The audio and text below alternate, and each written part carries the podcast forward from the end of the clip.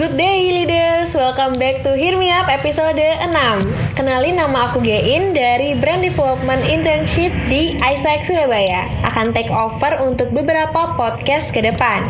Nah di podcast kali ini aku udah bersama tiga orang spesial nih Yang mengikuti salah satu produk Isaac yaitu Global Volunteer. Halo Hai. uh, boleh perkenalan dulu deh nama atau kampusnya boleh atau angkatannya boleh dari sini. Uh, nama aku Saskia dari Universitas Ciputra angkatan 2016. Nama aku Akbar Fauzi dari Universitas Airlangga Sastra Inggris angkatan 2018. Nama aku Rehana Zarkashi dari Sosiologi UNER angkatan 2017. Oke, pertama-tama uh, aku ucapin makasih dulu nih karena teman-teman udah mau sharing pengalamannya ikut Global Volunteer di podcast Isaac kali ini. Boleh nggak teman-teman? Yeah. Oke, karena sudah perkenalan, aku mau tahu dong uh, kakak-kakak di sini pada ikut project apa sih di Isaac? Uh, aku ikut summer kemarin. Hmm. Uh, nama projectnya Educate Kindergarten Bratislava di Slovakia. Berapa lama?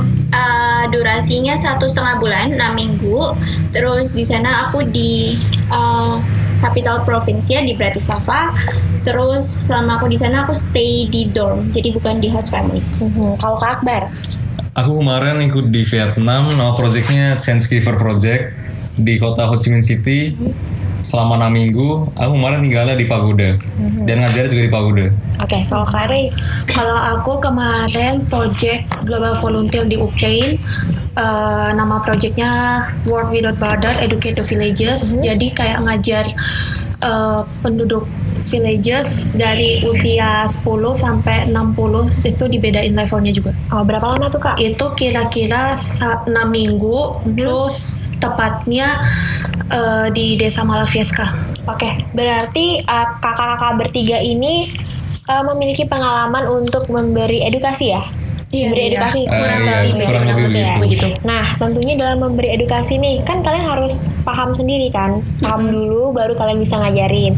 Nah, kira-kira dari um, proses mengajar itu, pengalaman apa sih yang kalian dapatkan dari si misalnya ngajarin anak kecil jadi melatih kesabaran atau gimana kayak gitu?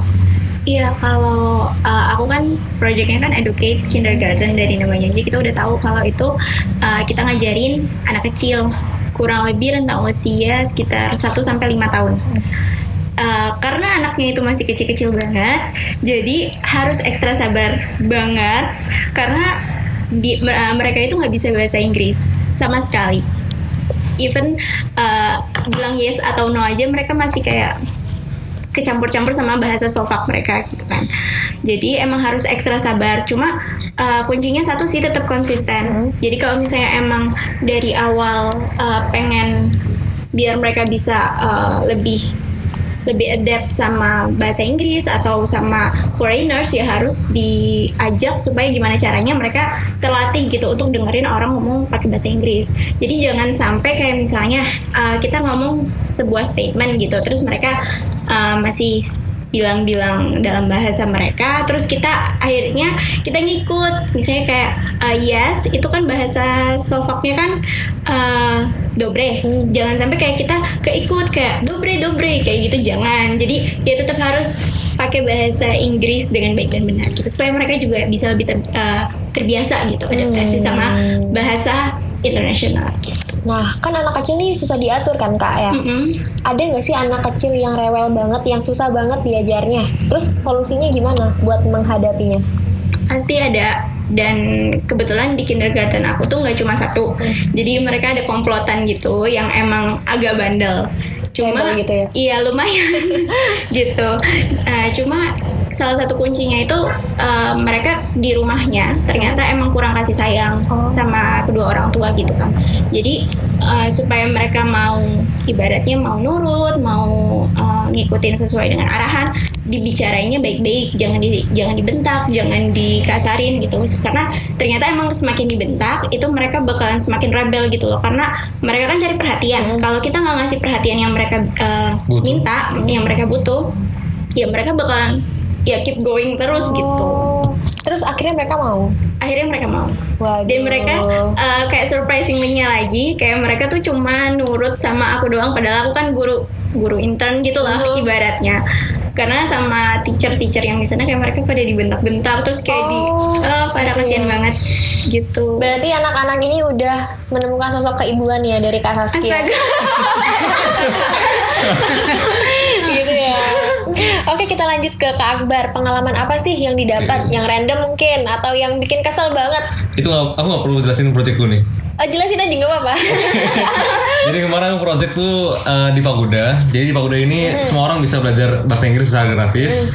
Jadi siswa itu bukan dari anak kecil doang. Ada dari SMP, SMA, anak kuliah, orang kerja, Hmm. sampai kakek eh, nenek juga ada kayaknya. Aku lihat. Ya kakek nenek ada. Jadi aku sebenarnya di sana harus cuma kayak ini sih kayak bikin diskusi Mhm. supaya mereka bisa ngomong gitu. Jadi tugasku di sana cuma buat improve speaking skill Oh, mereka. iya. Jadi bukan ngajarin grammar. Soalnya mereka kalau di sekolah emang udah belajar grammar. Mhm. Jadi emang mereka butuhnya tempat buat speak up. Dan kebetulan aku di sana buat sebagai perantara supaya mereka speak up gitu. Oh, nah kalau misalnya dibandingin sama di Indonesia nih, mereka antusias nggak sih kedatangan global volunteer seperti Kak Akbar? Kalau aku lihat sih antusias. Soalnya setiap aku datang ke kelas biasanya mereka ngomong eh, akbar akbar gitu lah. Oh, Jadi Iya.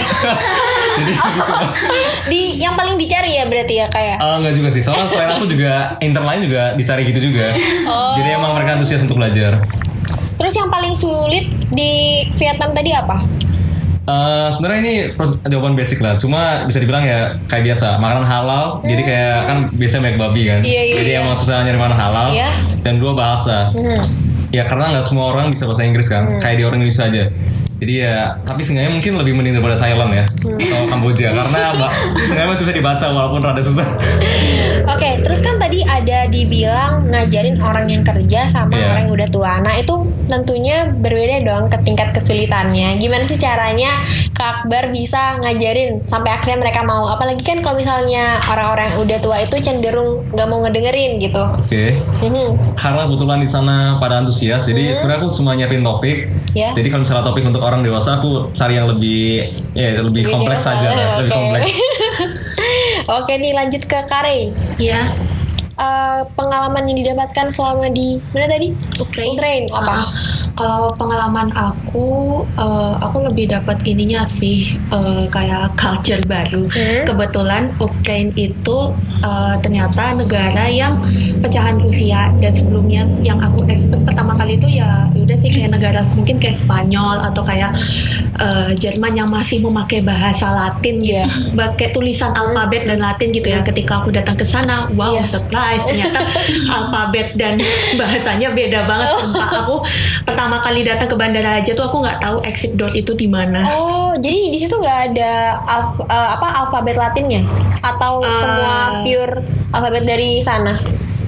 Ba- kebanyakan itu alfabet dari sana. Dan kalau Oh. misalkan apa namanya alfabet alfabet Latin itu jarang banget. Paling cu- bis- cuman bisa kita temuin itu kalau kita di kayak MRT-nya gitu loh. Oh. atau yang lainnya. Jadi pertama kali yang kesulitan banget itu menyesuaikan bahasa sama mereka.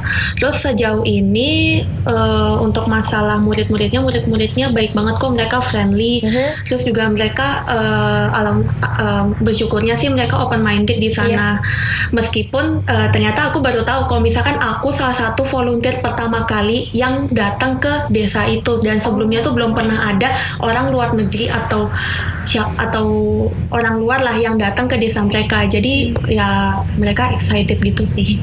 Kalau boleh tahu perbedaan yang paling mencolok selain alfabet apa sih di sana? Em, selain alfabet otomatis ya karena benua Eropa kali ya. Jadi otomatis beda beda banget.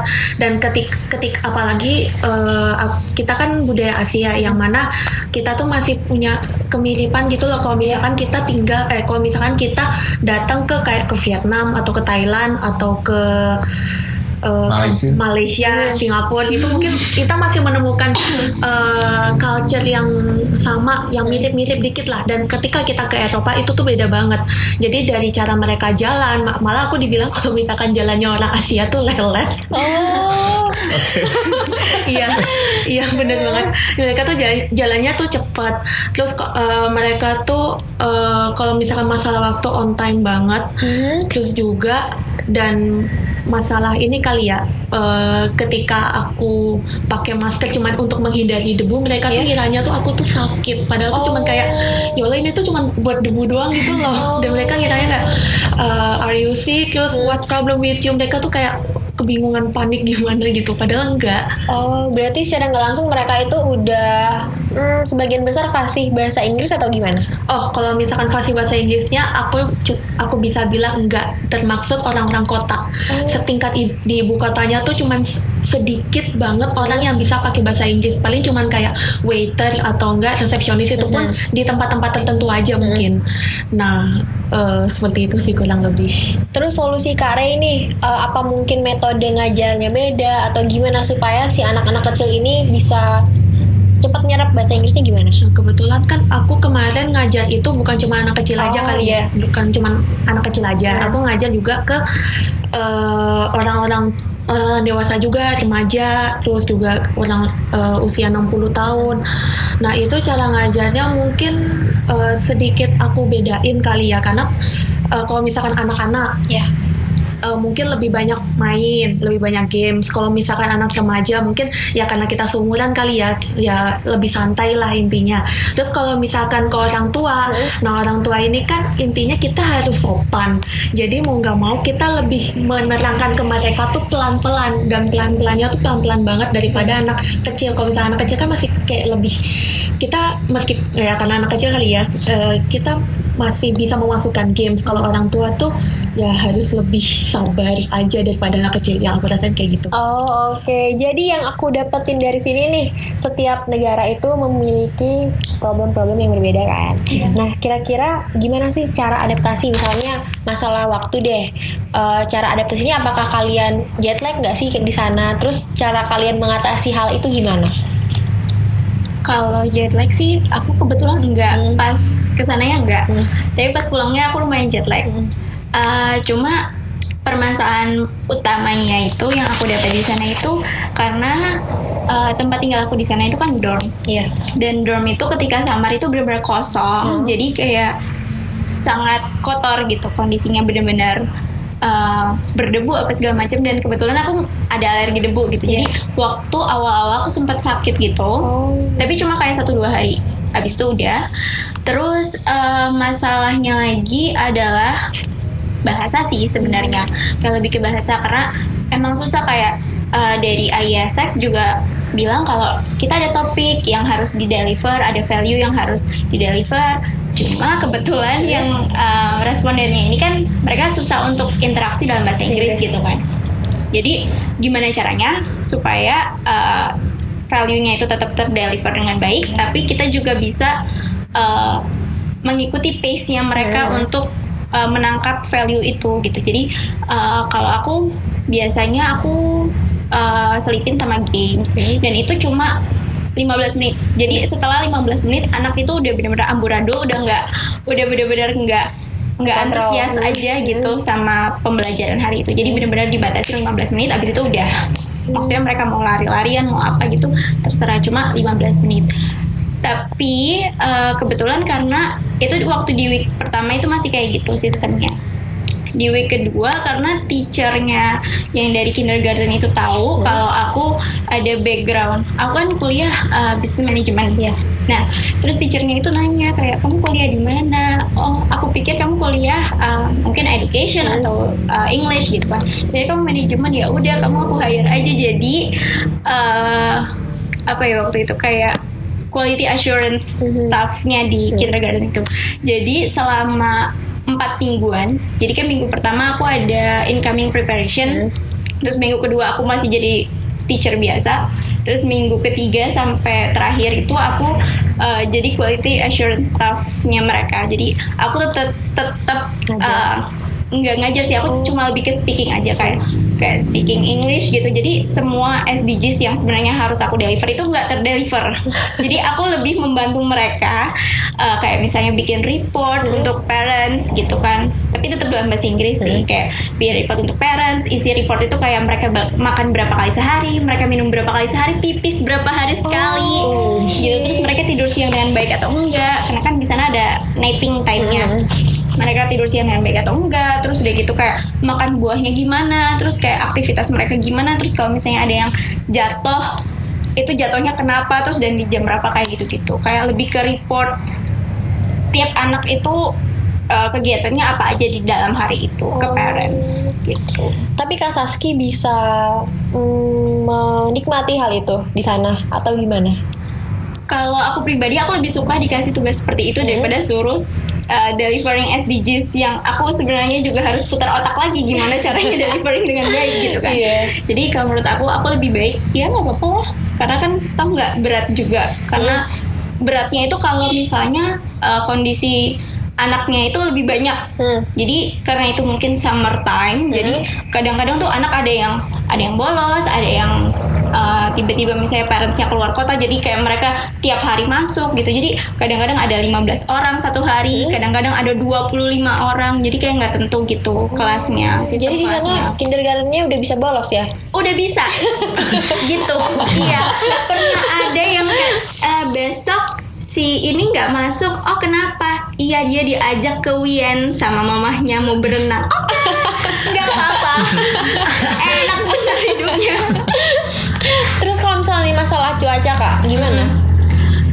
cuaca waktu aku nyampe sana Hmm. aku kan udah mulai lihat-lihat eh, kayak ramalan cuaca gitu Iya. kan kayak weather forecast dari sini. Nah terus eh, di weather forecastnya itu bilang katanya 24 derajatan gitu. Oh oke nggak seberapa panas nggak kayak di Surabaya gitu kan. Sampai sana jedar ternyata 36. Wow. Iya sumpah sumpah karena itu lagi ada heat wave atau apa gitu aku nggak ngerti. Jadi sama di sana aku 6 minggu seminggu panas banget parah. Seminggu lagi hujan seminggu lagi panas hujan panas hujan panas kayak gitu terus. Karena ada heat wave atau ada apa gitu aku lihat di lihat di berita. Terus ya jadi gitu. Pokoknya waktu aku sampai balik lagi ke Surabaya aku bener-bener hitam banget gitu. Karena panas. Tapi Kak Saski nggak masuk angin kan di sana? enggak untungnya tapi udah bawa tolak angin dari sini. Udah bawa angin Ada adlibs nih tolak angin. Oke untuk Kare, gimana? Eh Kak Akbar gimana nih? Secara adaptasinya? Oke. Sebenarnya kalau kemarin nggak terlalu menemukan masalah berarti sih. Soalnya emang jamnya sama. Time zone-nya GMT 7 juga, jadi aku nggak ngerasain jet lag. Yang paling masalah cuma di bagian uh, masjid cuma ada dua, Oh. makanan halal dan ya ya itu sih paling yang paling susah itu. Cuma emang ada untungnya kalau masih sedikit itu. Jadi karena masih sedikit, orang Indo yang di Vietnam juga pasti ke masjid situ juga kan. Jadi biasanya pas jumatan aku bisa ngobrol sama ekspat orang Indo yang tinggal di sana sih. Jadi nanya gimana tentang Vietnam bla bla dan mereka emang ngomong Vietnam itu ya Ho Chi Minh ini lebih nyaman daripada Jakarta.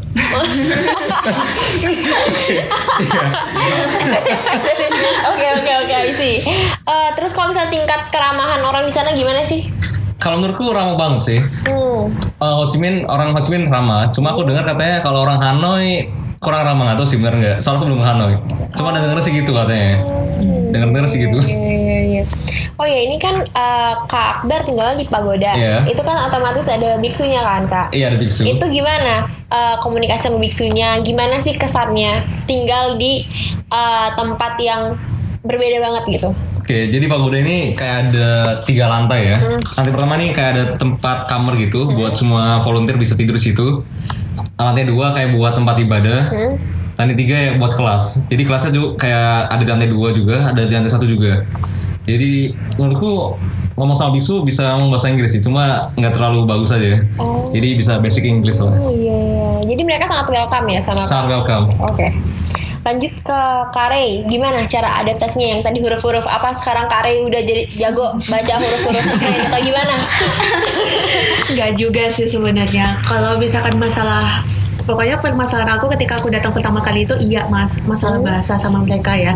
Nah caranya mungkin eh, aku menggunakan Google Translate. Jadi Google Translate kan ada ada ini kan ada fitur buat ngerekamnya Iya. kan. Jadi aku nyuruh mereka eh, coba ngomong di sini terus nanti ada translatannya. Oh maksudnya begini gitu. Jadi kalau misalkan mau ke luar negeri dan or, apa namanya ke negara yang di mana itu mereka bukan bahasa Inggris sebagai prioritas utamanya gunakanlah Google Translate itu sangat membantu Kalau cuacanya kak gimana? kalau cuacanya eh, kalau misalkan di Slovakia itu dingin, kalau misalkan eh panas, sorry. kalau misalkan di sana itu mungkin eh 50 eh, kayak inilah kayak Indonesia lah. Jadi eh, kalau pagi tapi kalau misalkan pagi itu agak dingin itu sekitar 20 derajat pagi sama malam itu 20 derajat kalau siang tuh mungkin eh, 25 25 itu paling panas jadi ya masih inilah cukup bersahabat Enak ya. Iya. tapi Kayak Indo ya. Kan lebih dingin dari Surabaya itu. oh jelas Nah ini kan rata-rata sebulan lebih ya kalian Yes. global Iya. volunteer. Ada nggak sih rasa homesick atau pengen pulang gitu di tengah-tengah Ada. global volunteer? Gimana tuh cara ngatasinnya? Boleh. Eh, ca- caranya homesick ya aku waktu itu pernah banget malah minggu pertama itu tuh bener-bener homesick aku sampai aku aja sampai kepengen di suatu hari itu pengen banget penyetan yang mana setiap hari itu aku makan di sini. Betul itu sumpah beneran. Aku suatu hari pengen banget penyetan. Nah itu cara menanggulangi homesicknya sih mungkin aku kayak telepon orang tua atau enggak eh, kadang kan kita juga pu- punya foto-foto teman-teman kita kan atau orang-orang terdekat kita lah Nah, kadang lihat-lihat foto atau enggak eh, chattingan lah sama orang-orang terdekat kita itu sih cara menanggul menanggulangi homesick Hmm, kalau Kak Akbar, Kalau menurut gue homesicknya gara emang makanan sih. Makanan yang bikin homesick sama.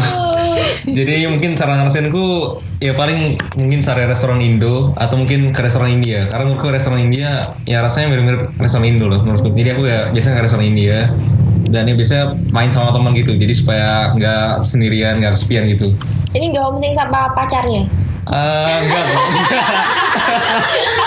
aku masih jomblo. Oh, Oke oke, self branding ya, self branding. Oke oke oke. Terus Kak Kak Saski gimana Kak? Kalau aku ngerasa homesick banget sih enggak, cuma eh, ngerasa pengen makan masakan Indo juga enggak, nggak tahu surprisingly banget. Karena di sana makanannya juga sesuai sama lidah aku kayaknya, kayak maksudnya bukan yang rasanya hambar banget atau rasanya gimana banget. Karena eh, aku sempat kayak ke negara yang makanannya tuh kayak bener-bener beda sama Indonesia yang maksudnya rich of taste gitu kan. Ini lebih baik dari itu. Ini lebih baik. Terus kayak masih di sana juga masih ada kayak McDonald's masih ada Burger King apa segala macam Subway. Jadi enggak enggak begitu homesick sih. Terus Oke. mungkin juga karena eh, di sana kan aku dorm ya. Mungkin beda kalau host family atau apa gitu mungkin beda. Karena kan maksudnya udah kelar kerja terus pulang gitu uh, ke rumah masing-masing. Kalau aku kan ke dorm. Di dorm itu semua orang itu ya ada di situ gitu. Jadi kalau misalnya emang lagi gabut ya keluar sama teman-teman jadi mungkin itu kali ya yang yang mengurangi homesick Homesick, karena oh. ada teman-teman ada uh, yang diajak ngobrol gitu Hmm. Oke, jadi kan setiap global volunteer ini ada kesulitan dan untungnya kalian semua bisa mengatasinya. Nah, kira-kira moral value apa sih yang kalian dapat dan kalian mau share ke teman-teman leaders yang lain supaya mereka bisa dengar dan termotivasi dan pengen ikut global volunteer? Kak Akbar mungkin. Oke, moral value ya. Mungkin kayak supaya bisa lebih mentoleransi, mentoleransi budaya-budaya dari negara lain. Apalagi kan aku ada kayak orang dari Somalia, orang dari Ceko, orang India. Jadi supaya bisa lebih open minded kepada mereka, supaya lebih aware tentang culture mereka. Dan kalau moral value lainnya mungkin ya ngajar orang itu sebenarnya kayak ada kepuasan sendiri sih setelah ngajar itu. Jadi ya itu itu aja sih mungkin. Oke, kalau Kare. Hmm, apa ya moral moral value yang aku dapat ketika project kemarin mungkin ini ya. eh di mana pun di mana pun dan siapa pun orang yang kamu hadapin, kamu harus benar-benar eh sabar. Beneran. Sabar. Iya, kan aku Kesabaran nomor satu Iya, ya. kesabaran nomor satu. Jadi eh, kan aku ketemu selain aku ketemu sama eh, siswa dari Ukraina itu juga, aku juga ketemu volunteer lain dari Turki, Arab, yang mana mereka juga eh Turki, Arab, Itali, terus juga Hmm, ya itu sih. Dan yang mana mereka punya budaya yang berbeda kan terkadang mereka suka keras satu sama lain atau kadang suka ada konflik. Dan, it- dan itulah apa namanya di mana kesabaran harus diutamakan. Jadi siapa pun orang siapa pun eh apa ka- eh, apa pun keadaan itu apa pun keadaan yang kamu hadapi kamu harus sabar. Itu sih moral moral value yang aku dapat selama project. Waduh ngena banget gak sih? Terus Kak Saski gimana nih?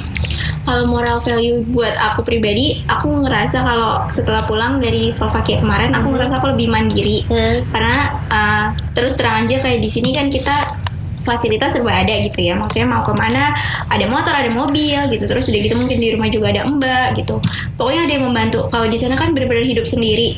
Uh, mungkin ini bukan kali pertama aku hidup sendiri di luar negeri gitu. Cuma ini yang paling lama durasinya kayak satu setengah bulan hidup sendiri. Jadi uh, benar-benar semua harus di cope sendiri dan uh, itu bikin jadi lebih tough gitu sih kalau kalau jadi kalau misalnya ada permasalahan apa kan aku jadi lebih tahu gini oh kalau misalnya kayak gini aku harus gini aku harus gini jadi kayak lebih cap-cap aja gitu dalam mengha- menghadapi permasalahan Oke, baik. Makasih banget udah uh, nge-share pengalamannya.